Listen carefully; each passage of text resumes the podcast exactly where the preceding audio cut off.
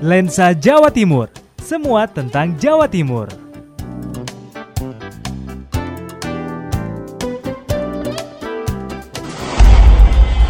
Jembatan merah. Surabaya kota pahlawan, semua pasti mengetahui itu.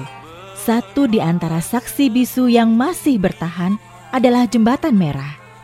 Terbentang di kawasan Surabaya Utara pada masa pendudukan sekutu, Jembatan Merah menjadi tempat perjuangan heroik melawan sekutu di Surabaya. Pertempuran gagah berani arek-arek Surabaya menelan korban jiwa, raga, dan harta benda. Darah dan air mata bercampur menjadi satu, menutupi aliran air di Kalimas yang berubah warna menjadi merah.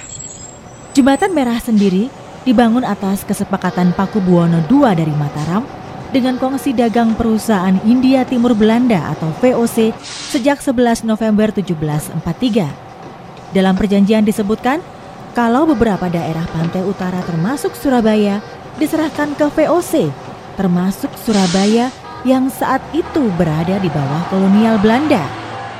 Jembatan sepanjang lebih kurang 40 meter berubah secara fisik sekitar tahun 1890-an ketika pagar pembatas diubah dari kayu menjadi besi. Menghubungkan kawasan bisnis pecinan Kiakia di daerah Kembang Jepun dan pusat perkantoran di Jalan Raja Wali yang terdiri dari beragam kantor perbankan, kantor perusahaan perkebunan, hingga pusat kantor polisi untuk wilayah Surabaya dan pusat perbelanjaan yang terkenal di Surabaya, yaitu Jembatan Merah Plaza. Di daerah Kembang Jepun, banyak sekali dijumpai sentra suku cadang peralatan rumah, sentra kain, mainan, dan di malam hari menjadi salah satu rujukan kuliner Surabaya. Sekarang, Jembatan Merah menjadi salah satu objek wisata kota pahlawan.